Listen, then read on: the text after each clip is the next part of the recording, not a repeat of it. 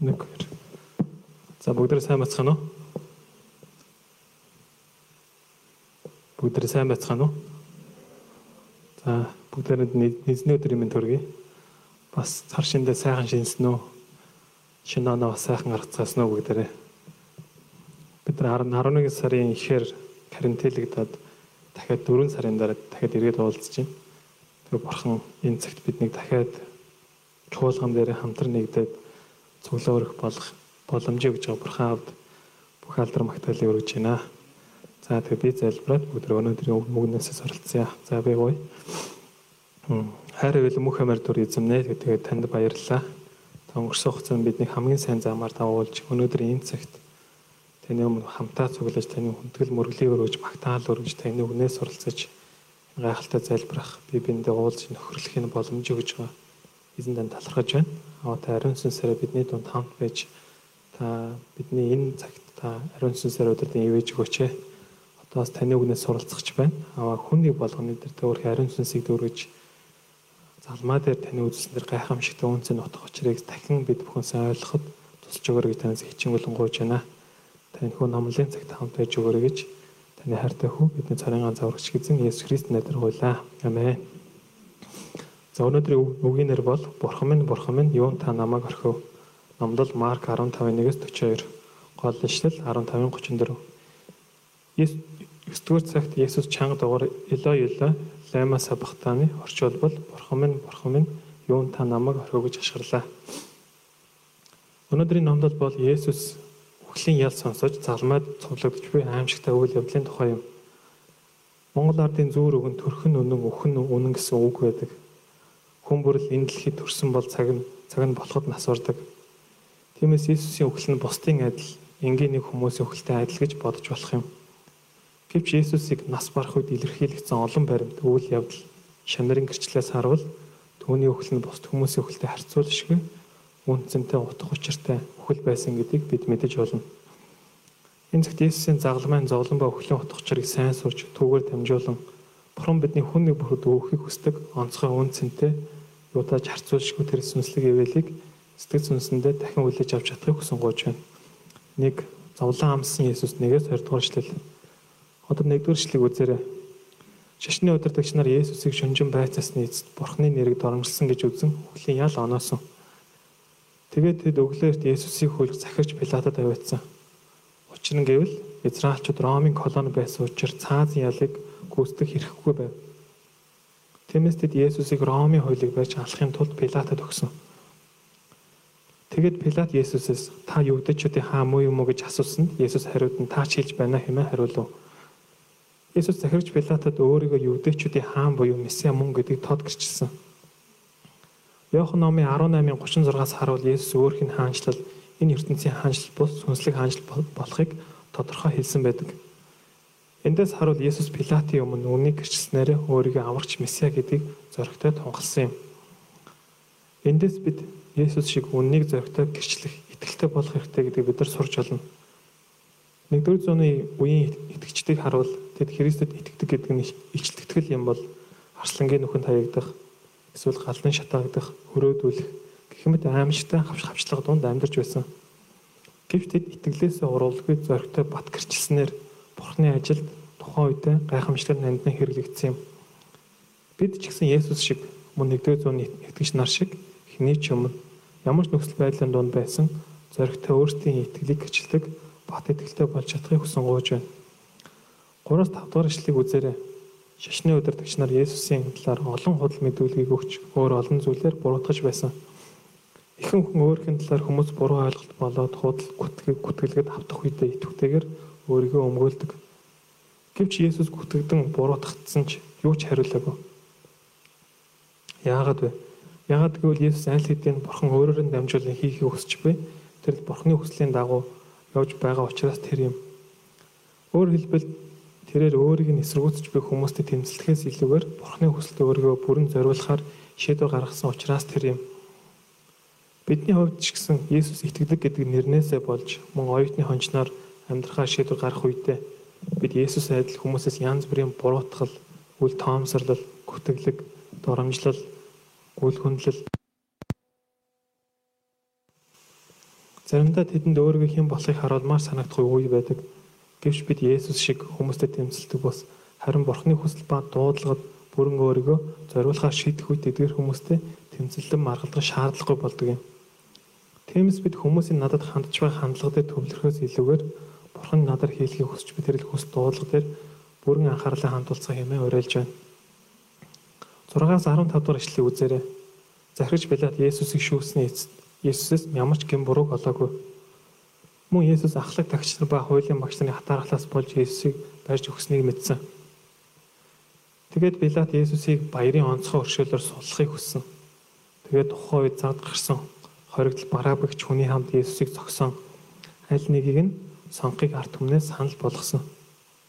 Гэтэл ахлах тагшилч нар ба хуулийн багш нарын ятгалагд автсан ард олон бараабыг суллахыг хүсэж харин Есүсийг цовдол хэмээн хашгирсан.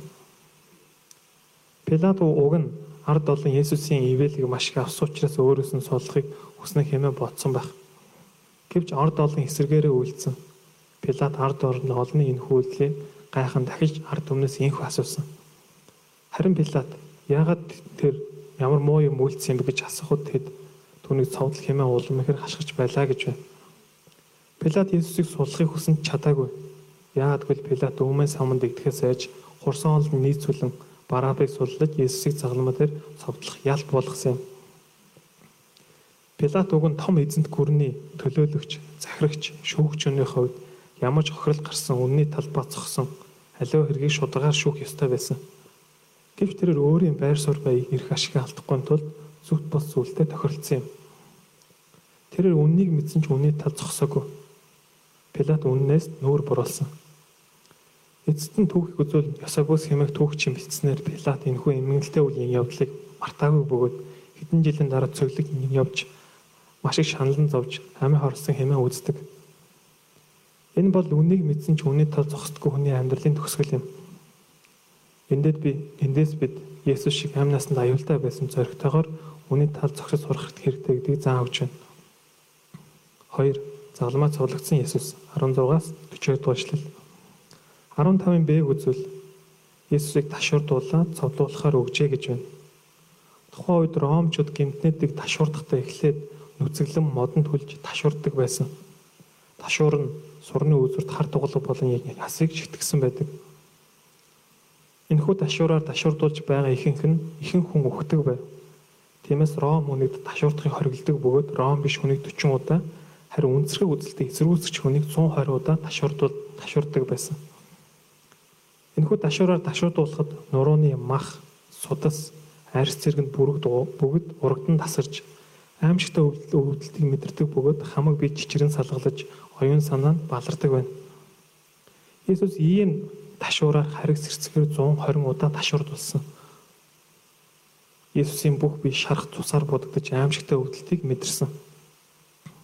Энэхүү ташуурдуултын өвдөлтийн үгээр илэрхийлэхийн аргагүй Тэгвэл ямар ч гэмн зэмбүү Есүс яагаад ийхүү харигс хэрцгээр биедээ ташуурдуулан зовж шарах ба өвдөлтийг амссан бэ? Исаи номын 53-ын 5-ын бэд ийхүү хэлсэн байна. Амар 58 төлөө түүн дээр гисгэл байж шарахаар нь бид эдгэрчээ. Мөн 1-р бэдэд 2-ын 24-ийн бэд танаа түүний шарахаар эдгэцсэн билээ гэж хэлсэн. Эндээс харах юм бол бидний гин ба шарахыг эдгэхийн тулд Есүс аимшигтайгаар ташуудуулж хамаг биедээ шарах ба өвдөлтийг амссан юм. Хөлсдөг хүний зовлон хөлсдөг хүн л ойлгодог гэдэг үг байдаг. Үүнтэй адил шархтай хүний зовлон шархтаж үзсэн л ойлгодог. Иесус харигс хэрцгээр шархтан зовсон гин ба амьдралын янз бүрийн зүйлсээс болж харигс хэрцгээр шархтан зовж буй хүмүүс биднийг ойлгохын тулд тэрээр аимшигтайгаар ташуудулсан юм. Өөрөөр хэлбэл Есүс шархтаж, өвдөж, аимшигтайгаар зовж үдсэн учраас хүмүүс бидний зовлон, өвдөлт, шархны бүрийг хамгийн сайн ойлгож чадах юм. Бидний хувьд заримдаа миний энэ зовлонг, миний нөвдөлтийг, миний энэ шарахыг хинж ойлгож чадахгүй гэж бодох үе амьдралд байдаг. Гэвч гин зэмүүхэрний харигс хэрцгээр 120 удаа таширдуулсан Есүсийн шарах ба зовлон өвдөлтөд харьцуулах зүйл гэж нэгч байхгүй. Тиймээс бид Есүсийн өмнө очих үед бидний өвдөл шарах, сорив, зовлон нэг бүрийг хамгийн сайн ойлгож эдгэж өгдөг нь Есүс юм. Энэ цагт бидний амар тайван ба эдгэрлийн төлөө шархтан зовсон Есүст бүхэл алдар магтаалыг өргөж байна. Амен. 16-аас 19 дэх ишлэгийг үзээрэй. цэргүүд Есүсийг хайр найргуу ташуурцсан дараа Есүсийг цовдлон давхархан илгэлсэн. Есүс хааны хүмүүстэй улаан нөмрөг нөмрөж сундуугаар титэм сүлжээд толгой дээр нь тавьсан. Тэгээд толгойг нь хулсаар зохиж евдэчүүдийн хаанд мэдчлэг хэмээн давхархан сөхрөн мөргцгөөс. Ромын цэргүүдийн хувьд хүч чадал, эрх мэдэл, зэр зэвсэг зэргийг их хэмнэлдэг байсан. Яагаад гэвэл Ромын цэргүүд цэргийн хүчээр дэлхийг байлдан дагуулж хариг сэрцгээр Ромын эзэнт гүрнийг байгуулсан учраас тэр юм. Ийм тэдний хувьд хаан гэдэг ойлголт нь хүч чадалтай, эрх мэдэлтэй, зэр зэвсэгтэй байх ёстой байсан. Гэтэл тэдний өмнө буй Есүс нь ямар ч хүч чадалгүй, эрх мэдэлгүй сул дорой нэгэн байсан. Тиймээс тэд өөрийгөө хаан хэмээн хэлж буй Есүсийг дооглон доромжилсан юм.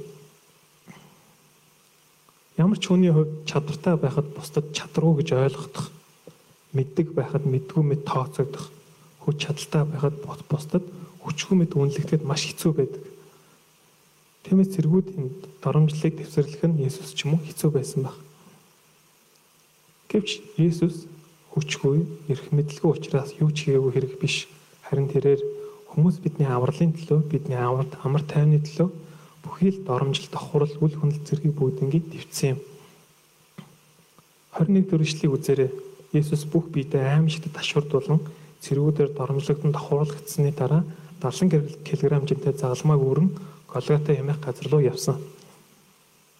Тухайн үед цаазлуулах ял авсан гэмт хэрэгтэн цаазын давцсан хүртэл загалмайг үүрдэг байв. Бид нар нөгөө загалмай цовлогдсон Есүс кино бүгдээр үзсэн тийм. Есүс загалмайг үүрээд маш олон хүмүүсийн дондор загалмайг өөр явдаг тийм магадгүй тэдний дунд байсан нэг ард те Есүсийн дээр зовлон гэдлээд явж байгаа тэр хүний дүр төрхийг хүний нүдээр харуул магадгүй загламайг өөрөө яваа энэ энэ Есүс нь хамгийн өргөдөлтөй хамгийн азгүй хамгийн эмээнэлтэй харагдаж болох юм. Гэвч Есүсийн энэ хүү загалмайг өөрөө яваад зам болвол амийн зам байсан. Яагаад гэвэл Есүсийн энэ л өвдөлт, цовдлт, үхлээр дамжуулан Хүмүүс бид идгэж амиг олох байсан учраас энэ амийн зүйлс. Тиймээс Есүс өмнөх шөнө нь шүнжин байцаагд 120 удаа дашуурл болсон учраас би энэ ямар ч тамир тэнхээгүй болон загламыг үүрч чадахгүй байсан. Тиймээс Ромын цэргүүд Есүсийг загламыг хөдөнөөс ирсэн Коринф Симонд албадлагаар үргэлсэн. Энэ Коринф Симон албадлагаар Есүсийг загламыг үрсэн ч хожим үгээр дамжуулан тэр болон түүний гэрбэл аврал авч Бурхны түгэнд нанднаа хэрэглэгдсэн байдаг. Одоо 22-оос 24 дэх ишлэгийг үзээрэй. Есүс Голгота гэдэг газар хурж ирсэн. Тэр үед цэргүүд Есүсийн гар хөлийг модон загалмайд хүлж цовдлсон. Загалмай ял бол хүндрэлтний цохиосон хамгийн харис хэрцэг ялуудын нэг. Загалмайд хүнийг цовдлох үед тэр дороо хөтгөө бөгөөд 2-3 өдрийн турш аимшигтай зовж бүх цусаа гойжуулан цангаж өгдөг бай. Загалмай цовдлогдсон хүн мянгаас дээш удаа ухаан алдаж сэрдэг. Биеийн жингэн даалахын тулд хүний гарын бугуйд бүдүү хатасаар мотон загламын татдаг байна. Хүний гар хөлөнд бүх мэдрэлийн эсүүд байдаг учраас өвдөлтийг дээд зэгтээ мэдэрдэг учраас энэхүү өвдөлтийг хүний үгээр хүний хам хэлээр үгээр илэрхийлэх аргагүй. Залмаа цовдлогдсон хүний биеэс бүх ус нь гадагшилдаг учраас ам нь цангаснаас болж тагнаа хатан амьсгахтад хэцүү болдог байна. Есүс загламаа дээр энэ бүгдийг биедээ мэдэрсэн юм. Есүсийн Есүсийн загламын зовлонгийн тухай дуул номыг бичгч нь ийхүү хэлсэн. Дуулал номын 22-ийн 14-өөс 15-д намайг ус шиг асгасан бөгөөд бүх яс минь болторсон. Зүрх минь лааны тос айдал дотор минь хайлсан. Хүч минь шаазан гэлтэрхий шиг хатаж хилмэн түүшэндээ наалдав. Намайг үхлийн шоронд үхлийн шороонд тавьжээ гэж байна. Тэгвэл яагаад Есүс ийм аимшигтай өгөр илэрхийлэх аргагүй загламын зовлон амссан бэ? Исая гişү зүйлэгч Есүсийн амссан зовлонгийн шалтгааныг ийхүү тайлбарлсан. Исая номын 53-ын 5-а 6-гийн бэд. Гэвч гинт үйлдэлийн маань улмаас тэр хатгадан хилэнцгийн маань улмаас тэр бяцарч аваа. Бүгдийн маань хилэнцгийг харин эзэн түүн дээр тохвоо гэж байна. Есүс миний болоод таны гимээс бол зодуулж хатгадан бяцарсан юм. Яагад гэвэл Есүс хатгацснараа бид Бурханаас гмийн уучлалыг авч бидний бүхэл өвчин шарах эдгэр жинхэнэ аз жаргалтай утга учиртай сүнсний эрхчлөлтэй амьдралаар амьдрах байсан учраас тэр юм. Өөрөөр хэлбэл бидний гэм ба өхлийн хараас ав амрахын тулд өвчин шаналлаас мань эдгэхийн төлөө Есүс аимшигтай загалмаа дээр цовдлогдсон. 34-р ишлэгийг үзвэл 9-р цагт Есүс чанга дуур Элой Элой лама сабахтаны орчуулбал бурхан минь бурхан минь юун та намайг орхив хэмээн хашгирч байлаа. Элой Элой лама сабахтаны гэдэг нь бурхан минь бурхан минь юун та намайг орхив гэсэн утгатай. Үүнээс харахад Есүс бурханд хүртэл орхигдсон гэдгийг бид мэдэж болно. Хүний амьдрал хүний амьдралын зовлонгуудын донд орхигдсон хаягдад хамгийн хэцүү байдаг бод хамгийн их өвдөл шархыг өгдөг гэнэ. Ялангуяа хамгийн хайртай итгэж найдаж исэн нэгнээс орхигдох үед бүр ч хэцүү хэцүү байдаг. Та бүхэн санаж байгаа бол Есүсийг анх Йоханор баптизм хүртэх үед Бурхан Тэнгэрээс Есүст юу гэж хэлсэн байдаг лээ санаж гинөө. баптизм хүртээд Тэнгэрээс тагтаа бууж ирэхэд Тэнгэрээс нэг дуу гардаг те. Тэгэхүүд юу гэж хэлдэг вүлээ? Аа. Өөрөөр хэлбэл яг зөв энэ бол миний хайртай хүү түүн дээр миний таал оршно хэмээлжсэн те. Өөрөөр хэлбэл Есүс дээр Бурхны хайр, Бурхны таалал дүүрэн байсан. Гэвч загалмаа дээр Бурхны хайртай өөрхийн таалан дүүрэн байсан Есүсээс Бурхан нүүр буруулж орхисон байгаа дээ. Есүсийн хувьд өөрөөсөө ч илүү хайрлаж, итгэж, найдаж, хүслийг нь биелүүлж дагаж байсан тэр л хайртай бурхан бурхан аав нь Есүсийн загалмаа дээр нүүр буруулсан байгаа. Энэ бүгдээс харах юм бол загалмаа дээр тэр хайрын харилцаагаар дүүрэн байсан бурхан болон Есүсийн хоорондын харилцаа тасарсан гэсэн утгатай. Тэгвэл Есүс хайртай бурханд хүртэл орхитон байж тэр аимшигтай ташуурдал загалмайн зовлонг эдэлж буйн ямар утга учиртай байна. Есүсийн энэ загалмайн зовлон бидэнтэй тэгвэл ямар хамааралтай вэ? Ром номын 3:24-д ийхүү хэлсэн байна. Христ бидний золилтоор дамжин Бурхны нэгүслэр үнгүү зөвтгөжээ гэж хэлсэн. Есүс загалмаа дээр цовдлогдох үедээ Бурхан ба хүмүүсийн хооронд маш чухал хоёр үүргийг гүйцэтгсэн байгаа. Нэгдүгээрт нь Бурханы зөв шударгын мөн чанарыг гүйцэтгсэн. Өөрөөр хэлэх юм бол Бурхан ариунаас ариун шудраг мөн чанартай учраас гим нүглийг өчгөнч хүлэн зөвшөөрч чаддаггүй. Тиймээс Бурхан Есүсийн загалмаад хүн төрлөختний бүхэл гим гмийн шийтгэл ба хараалыг өөрүүлснээр бидний гмийн харал ба шийтгэлээс бүрэн чөлөөлөх боломжтой болгосон юм. Хоёрдугаарт нь Бурханы хайрын мөн чанарыг гүйцэтгүүлсэн. Бурхан гмийг үзэн яддагч гимтнүүдийг хайрладаг. Тиймээс Бурхан Есүсийн загалмаагаар дамжуулан хүмүүсийн бидэнд хандсан жинхэнэ агуу хайраа илэрхийлсэн юм. Эцэг эхчүүд үр хүүхдээ амнаас илүү хайрладаг гэдэг үг байдаг. Хэрвээ хайртай хүүхдийг нь хэн нэгэн санаатай болон самсргүй байдлаар дээрлэх юм уу зөхих юм уу эсвэл ямар нэгэн байдлаар гэмтэх юм бол эцэгчүүд үед ямар байдаг вэ? Энэ бол байж боломгүй үйл явдал те. Гэвч бурхан биднийг хайрлж байгаа хамгийн хайртай ганц хүү загламуудад цовдлогснороо харуулсан юм. Энэ бол үгээр илэрхийлэх аргагүй бурханы бидэнд хандсан хайр байсан юм. Ром номын 5-ын 7-8-д ийм хэлсэн байна. Зөвхт хүний төлөө хэн нэгэн хүн бараг өгөхгүй. Харин сайн хүний төлөө бол хэн нэгэн хүн өөхөр зүрхэлж магадгүй юм. Гэвч бидний нүгэлтнүүд байхад л Христ бидний төлөө өгсөн. Үүгээрээ бурхан биднийг хайрлахаар харуулсан юм а хэмээлж. хүн төрлөختөн Адамын гэмээс болж сүнс ба бие махбодын үед ялзарч доройтон Бурхны уур хилийн хүртгэс өөр аргагүй аргагүй байсан. Гэвч Бурхан Есүсийг энэ дэлхий дээр илгээн хүнд чирэггүй гэмтээ бидний төлөө загламаа дээр үлгсэн. Ингэснээрээ Бурхан бидэнд үнэхээр хайртай гэдгээ батлан харуулсан юм. Есүсийн загламаа өхлөн бидэн рүү хандсан Бурхны хамгийн том хайрын илэрхийлэл юм. Ихэнх хүмүүс бидний хувьд ивэлтэй, аз жаргалтай, баяр хөөртэй үедээ Бурхны хайрыг магтаж, Бурханд бат итгэж, Бурхныг дуулууртаа дагдаг. Гэвч зовлон толгуур бол Бурхны хайранд эргэлздэг. Бид Бурхны хайрыг өөрийн нөхцөл байдал ба сэтгэлийн хөдлөлөөр хэмжиж эзэж болохгүй. Харин бид ямар ч үед Бурхны хайранд эргэлзэхгүй байх хэрэгтэй. Ингийн тулд бид Бурхны загалмаан золиослын энэхүү түүх үнэн дээр суйрлан Бурхны хайранд бат итгэх хэрэгтэй. Бид ямар ч үед Бурхны хайранд эргэлдэж болохгүй. Ингийн тулд бид Есүсийн загалмайн зойлолын энэхүү түүхэн дээр суйрлан Бурхны хайранд бат итгэх хэрэгтэй. Бидний хайрлж байгаа харуул харуулсан энэхүү түүхэн үйл явдал бол хэзэж хуурдаггүй, өөрчлөгдөггүй, алга болдоггүй. Тэнгэр нурж, газар дагдан чичирсэн ч хэзээч устдахгүй. Бурхны хайрыг батлах хамгийн том гэрчлэл бол энэ энэ билээ. Бид ямар ч үед Бурхны хайранд бат итгэснээр зовлон сорилтыг зөв даван туулж Бурхны хаанчлалын жинхэнэ найдвараар үргэлж баяр хөөртэй хүмүүсээр амьдарч чадахыг хүсэн гооч байна. 37-аас 38 дугаар ишлэгийг үзээрэй. Иесус чанга дуу гаргаж амьсгал хороо сүмийн хөшиг дээрээсээ доош хоёр хуваагдан сурлаа гэж байна.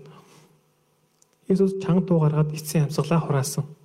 Энэхүү Есүсийг амьсгал хураах үед сүмийн хөшиг дээрээсээ доош хоёр хэсэг болон цуурсан юм. Сүмийн хөшигт бурхан ба хүмүүсийн хооронд хаалт болж байсан гим нүглийг илэрхийлж өгдөг. Харин Есүс нас барах үед энэ энэ хөшиг хуваагдсан хуваагдсан гэдэг нь бурхан ба хүн хоорондын заагалж байсан гим хаан бүрэн нурж алга болсон гэсэн утгатай үг юм. Есүсийн цус ба үхлээр дамжуулан гими хаанд бүрэн нурсан гэдгийг бид нар энэчээс харж байна. Тиймээс одоо Есүст итгэх итгэлээр хинч ариун бурхны өмнө очих боломжтой болсон юм. Энэ бол хүмүүс бидэнд өгсөн бурхны гайхамшигтай маш том үнцэнтэй ивэл юм. Есүсийн бид загламад урагдсанараа хүмүүс бид ариун бурхны өмнө ямар ч үед очин гимээ өшөөл хизээч авч болох сүнслэг зам бидэнд нээгдсэн. Тиймээс бид хаанч хизээч Бурхны цуснд итгэх итгэлээр амьд Бурхны оршихуд очин түүнтэй зөв харилцаатай амьдарч чадахыг хүсэн гож байна. Амен. Дүгнэлт. Есүсийн үхэл бол бус хүмүүсийнхтэй адил жирийн нэг үхэл байгаа гэдгийг өнөөдрийн үйл явдал бидэнд зааж өгч байна. Есүс ямар ч гэм зэмгүй байсан бөгөөд гэмтэн мэд тооцогдсон үгээр илэрхийлэх аргагүй аимшигтай зовлон шаналл, торомжил, гүтгэлэг, шарах ба өвдөлтийг бүгдийг амссан. Энэ та болон надаас болсон юм. Есүсийн загламын золон ба өхөлний хүмүүс бидэнд хандсан Бурхны онцгой хайрын илэрхийлэл байсан. Тиймээс бид миний гмийн төлөө загламаа дээр аимшигтай зовлонын төлд нас барсан. Есүсийг зүрх сэтгэлдээ дахин дахин хүлээн зөвшөөрцгөөе. Тэр үед бидний дотор буй ямар ч гүн шарахыг эдгээр жинхэнэ баяр хөөртэй амартай утга учиртай ивэлтэй дүр амьдралаар амьдрах болно. Энэ цаг таны төлөө, миний төлөө хүмүүс бидний төлөө Есүсийн загламаа хайр ба золиосыг тунгаан бодож Бурхны өршөөл хайраар дүүрэн амьдарч чадахыг хүсэн гооч байна. Амен. За би залбирая. Хайртай бурхан амнэ тэгээ танд баярлалаа. Марк 15 дугаар бүлгээр дамжуулан Иесусийн залмаа дээр цовдлогсон утга учирыг дахин зааж өгсөн эзэн надад талархаж байна. Хайртай бурхан амнэ бид өдрөг бүр Иесусийн залмаа дээр үзүүлсэн дээр үзүүлсэн гайхамшигтай тэр утга учирыг дахин дахин тунгаан бодож залмаа дээр илэрхийлэгдсэн бид хандсан бурхны хайр нэгүсэл өршөөл ивэл уучлал нэг бүрийг өдөр болгон амьдарч амьдардаг хүмүүсүүдээр та өдөрдөж өөрийгөө таньсан хичээнгүлэн гоож байна. Энэ цаг өгснөд баярлалаа. Бүх зүйлийг танд даатгаад эзэн Есүс Христ нэрээр гуйлаа. Амен.